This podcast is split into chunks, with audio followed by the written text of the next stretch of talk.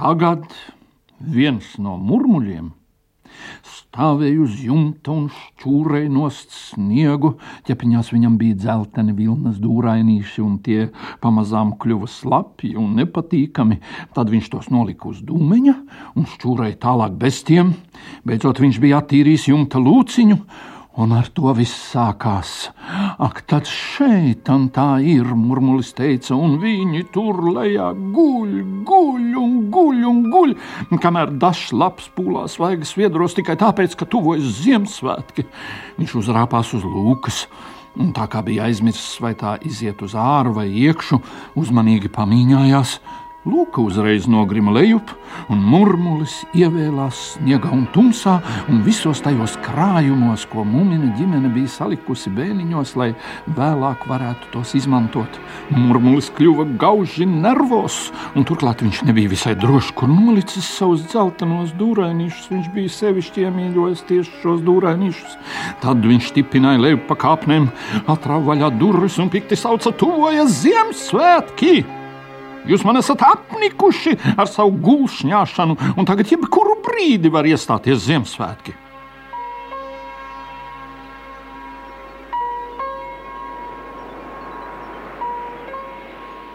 Savā namā, ziemas miegā, gulēja mūmina ģimene. Viņi jau bija gulējuši vairākus mēnešus un nodomājuši gulēt līdz pavasarim. Miegs viņus bija klusi un tīkami ieejais kādā garā, siltā vasaras pēcpusdienā. Un pēkšņi trolīša mums sapņos sāka vēdīt nemieris un salds gaiss, un nes kas rāva nost segu un kliedza, ka šī padarīšana viņam esot apnikusi un ka tuvojoties Ziemassvētki. Hmm, vai tad jau iestājies pavasaris, trolis mūminis murmināja? Pavasaris, murmulis nervos atvaicāja. Tie ir Ziemassvētki, vai tu saproti? Un es nekā neesmu iegādājies, un nekā neesmu nokārtojis, un viņi man atsūtīja, lai izrokot jūs no miega. Dūraini laikam gan ir pazuduši, un visi skraida apkārt kā negudri, un nekas nav kārtībā. Un pēc tam murmulis atkal uzklunkuroja augšu pa kāpnēm un izlīda ārā pa lūku. Māmuļa! Modies! Trolīts mūmins izbijies, teica: Noticis kas baismīgs, viņi to sauc par Ziemassvētkiem. Ko tu ar to gribi teikt? Māmuļu vaicāja un pabāza ārā purniņu. Es lāga nezinu, viņas dēls atbildēja. Bet nekas nav kārtībā, un, un es kas pazudis, un visi skraida apkārt kā negudri. Varbūt atkal būs plūdi. Piesardzīgi viņš paraustīja snorkas jaunkundzi un čukstēja: Nesabaidies, noticis kaut kas briesmīgs. Mieru, mūmina tēvs sacīja, vispirms jāsaglabā miers, un tad viņš piecēlās un uzvilka pulksteni, kas bija apstājies kādā oktobra dienā. Tad viņi sekoja murmuļa slapjajām pēdām un izrāpās uz mūmina mājas jumta.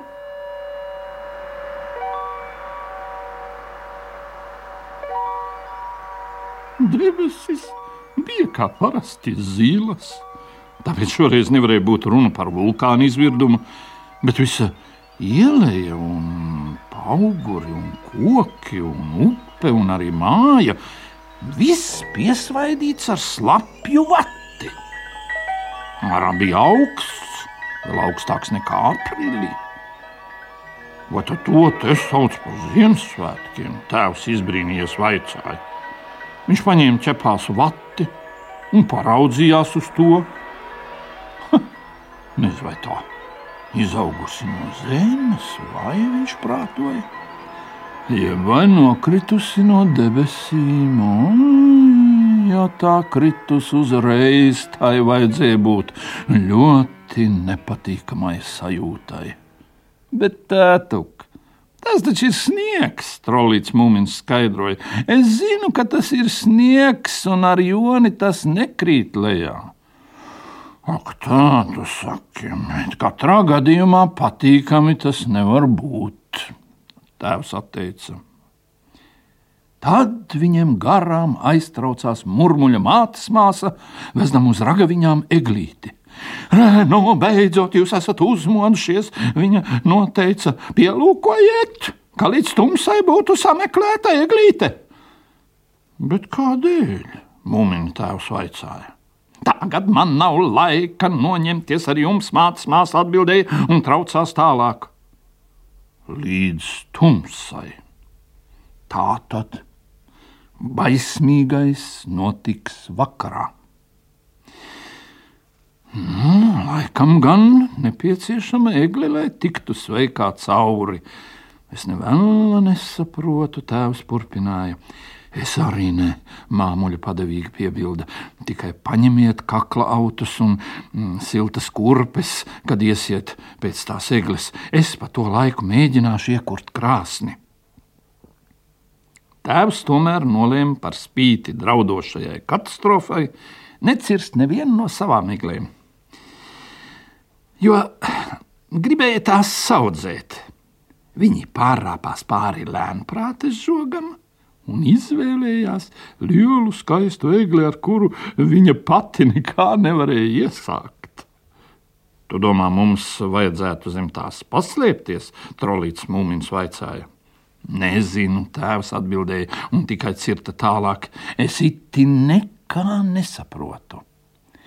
Viņi jau bija nokļuvuši gandrīz līdz upei, kad garām traucās lēnprāte, apkrāvusies ar turzām un saiņiem. Lēnprātes seja bija tumši pietvīkusi, un viņa pati tā satraukta, ka, paldies Dievam, savu egli nepazina. Spiešanās un drūzmēšanās viņa kliedza, nevajadzētu pieļaut, ka šie slikti audzinātie ežuki, kā es nu pat teicu, misai kauna lieta. Egle! izsaucās troļa mūmina tēvs un izmisis ieķērās lēnprātes kažoka apaklē. Ko tad ar egli dara? Ar egli izmisusi sauc lēnprāt, ar egli. Ai, cik šausmīgi, ne tas nav paciešams. Tā taču jāuzpoš, kā gan es pagūšu. Tad viņa sainīši izbira sniegā un cepura noslīdēja par purniņu, un viņai aiz uztraukumu turpat vai sāka raudāt.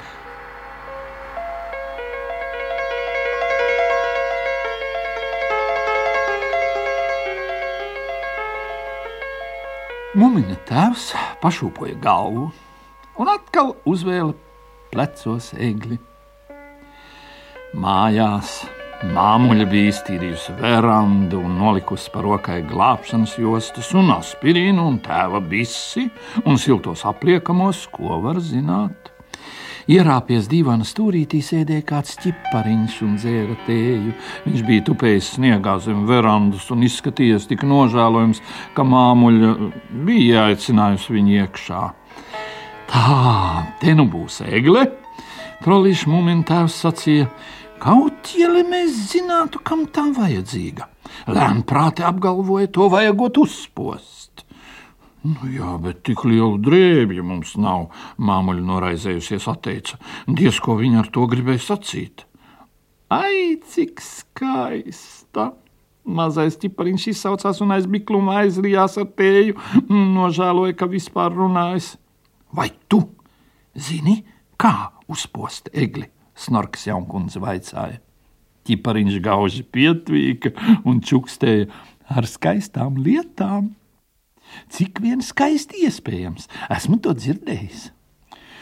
Tad viņu atkal pārņēma biklums, viņš aizsedza seju ar ķepiņām, apgāza tējas tasīti un pazuda ārā pa verandas durvīm. Palieciet brītiņu rāmi. Es tagad domāju, trolīšu mumintēvs sacīja. Ja egle jāuzpoš pēc iespējas skaistāk, tad gan nav domājams, ka no briesmām zem tās slēpjas. Briesmas drīzāk jāmēģina savaldzināt, nu es sāku visu saprast.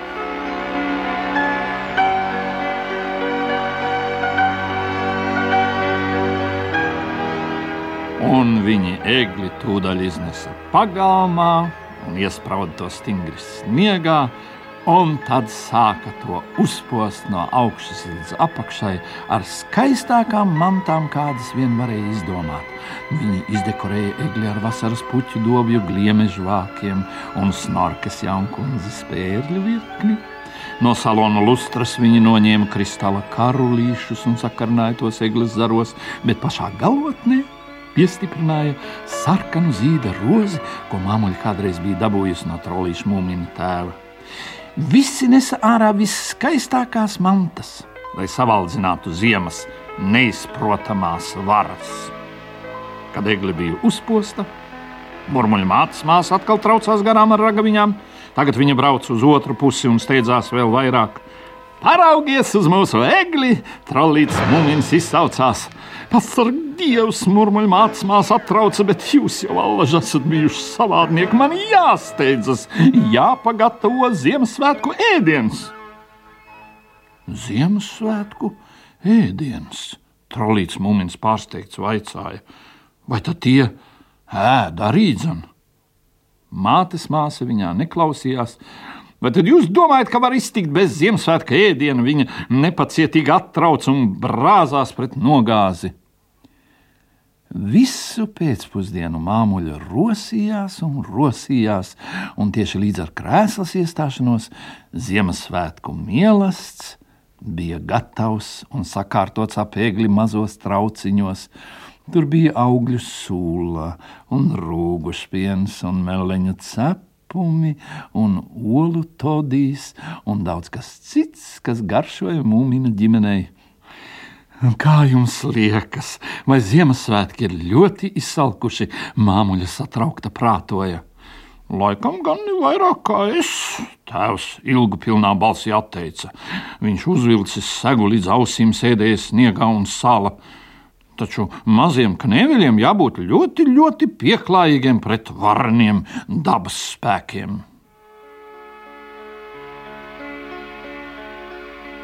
Ielējā visos logos iedegās sveces.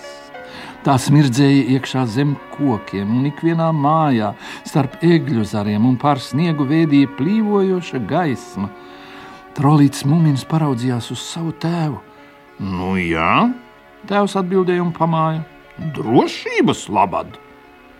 Un trolīts mumins iegāja iekšā un salasīja visas sveces, kādas tik atrada. Viņš tās sasprāda sniegā ap egli un piesardzīgi aizdedzināja, kamēr visas sveces dega, lai savaldzinātu tumsu un Ziemassvētkus.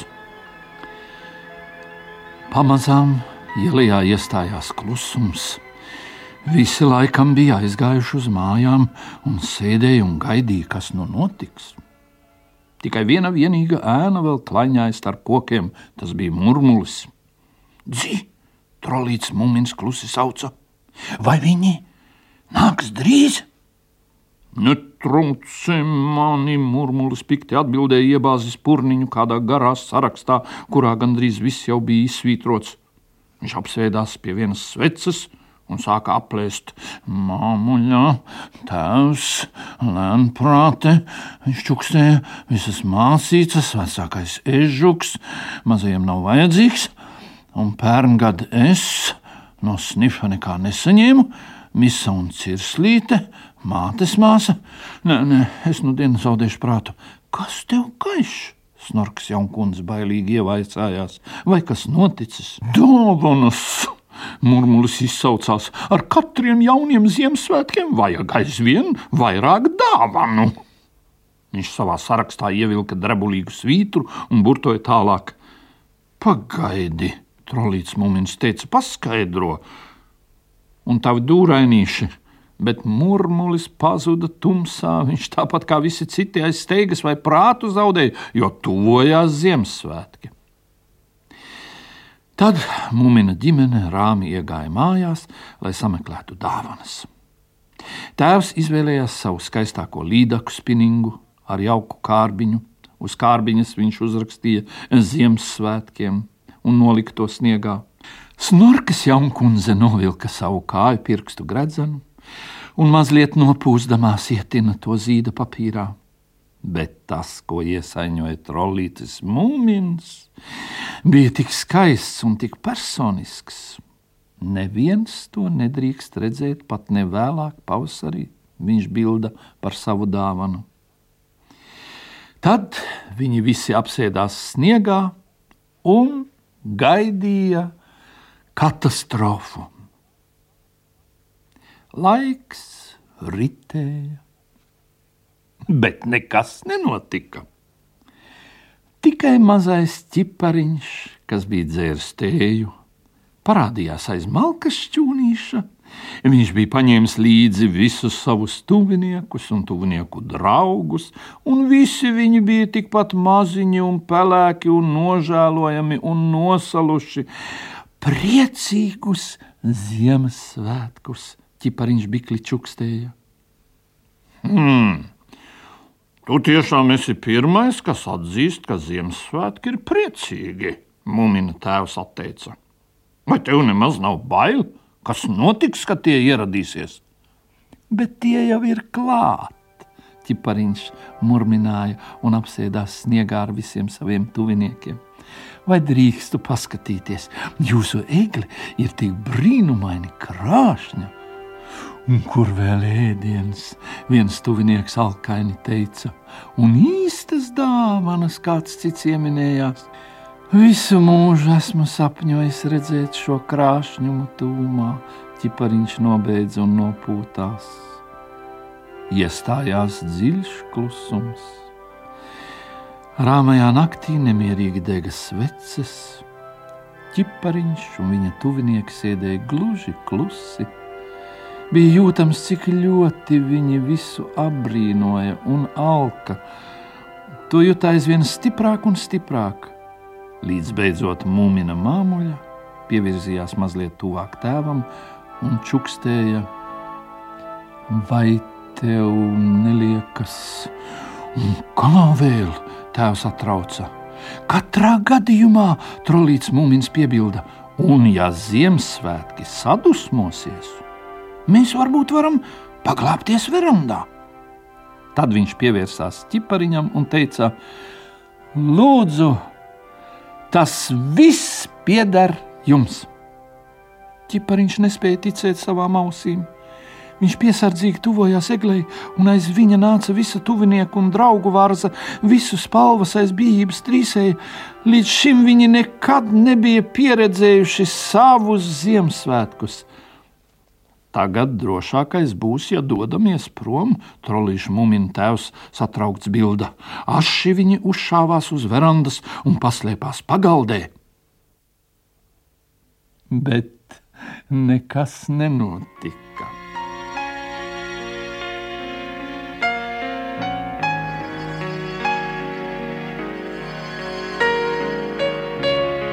Pēc laiciņa viņi bailīgi paraudzījās ārā pa logu ķipari tur ārā sēdēja un ēda un dzēra un atraisīja dāvanas un jutās tik līksmi kā vēl nekad. Beidzot viņi uzrāpās eglē un visos zaros piestiprināja degošās sveces. Bet galotnē vajadzētu piesprāst lielu zvaigzni, ķipariņa tēva brālis ieteicās. Vai tev tā liekas? Ķipariņš atbildēja un domīgi raudzījās uz mūminu māmuļas sarkano zīda rozi. Starpība laikam nemaz nav tik liela, ja tikai izdoma pareiza. Mums vajadzēja pagādāt arī zvaigzni, trolīšu mūminu māmuļu čukstēji, bet tas jau nav iespējams. Viņi pavērās augšup uz debesīm, kas bija tik tālas un tumšas, piebērtas ar neskaitāmām zvaigznēm, tūkstoš reižu vairāk nekā vasarā, un pati lielākā zvaigzne stāvēja tieši virs viņu egles galotnes. Jūtos mazliet miegaina, trolīša mūmina māmuļa dvēsā. Man nav spēka prātot par to, ko tas viss nozīmē, bet liekas, ka viss norit labi.